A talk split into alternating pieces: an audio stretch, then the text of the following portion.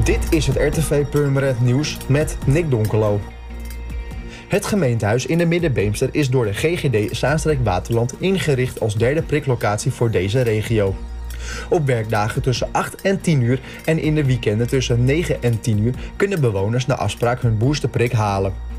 De GGD benadrukt dat het alleen mogelijk is om na een online afspraak langs te komen.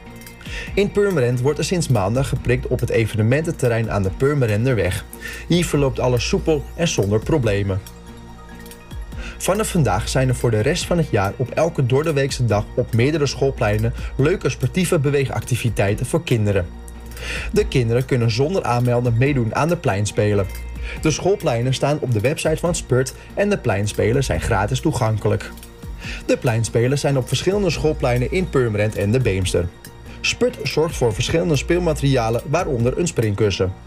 Voor jongeren vanaf 13 jaar zijn er vanaf maandag 27 december tot en met vrijdag 31 december sportieve activiteiten op de sportcomplexen van FC Purmerend en FC Beemster.